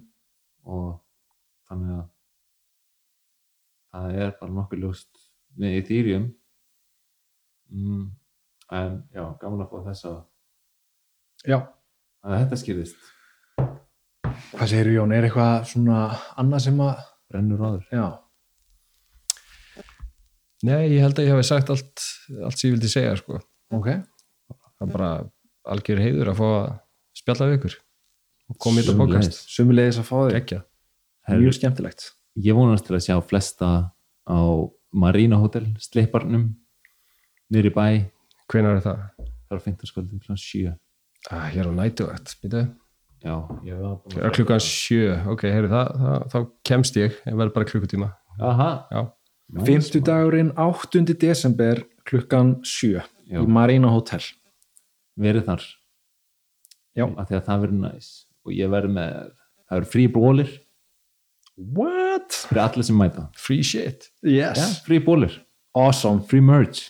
Geggja um, í lokun þá ætlum við að lesa upp skilabóð af Fountain, já, ekki af Fountain. Ég ætla, ég ætla ekki að segja Fountain af því að það er eitt app. Við ætlum að lesa upp skilabóð af Podcasting 2.0 boosti sem við fengum Boostagram fyrir, fengum bara eitt en við erum mjög sáttið með það. Ok, lesa nice. Já, já, já, það er sem sagt á 2009. þátturinn Donna kom í heimsók Bitcoin er peningur fólksins. Þetta var einn af mínum uppáðastáttum verði ég að veikuna við hefum verið æðisleg. í mjög langa tíma að reyna orðinspilana á Twitter. Já, og eh. Ske, það er fátt já, svona, svona satisfying og þegar það Mhm. þegar maður nær einhverjum bara, já ok, ah, ég fattar Mhm. það er at hotler sem að sendir okkur 421 sats og skrifar takk fyrir mig virkilega skemmtilegu þáttur nýju född keisarans er virkilega góð lýsing á núverandi peningakerfi og svona uh, ringur með hönd emoji svona ok sign. Já, er það ok? Ég það var ok vera- þáttur.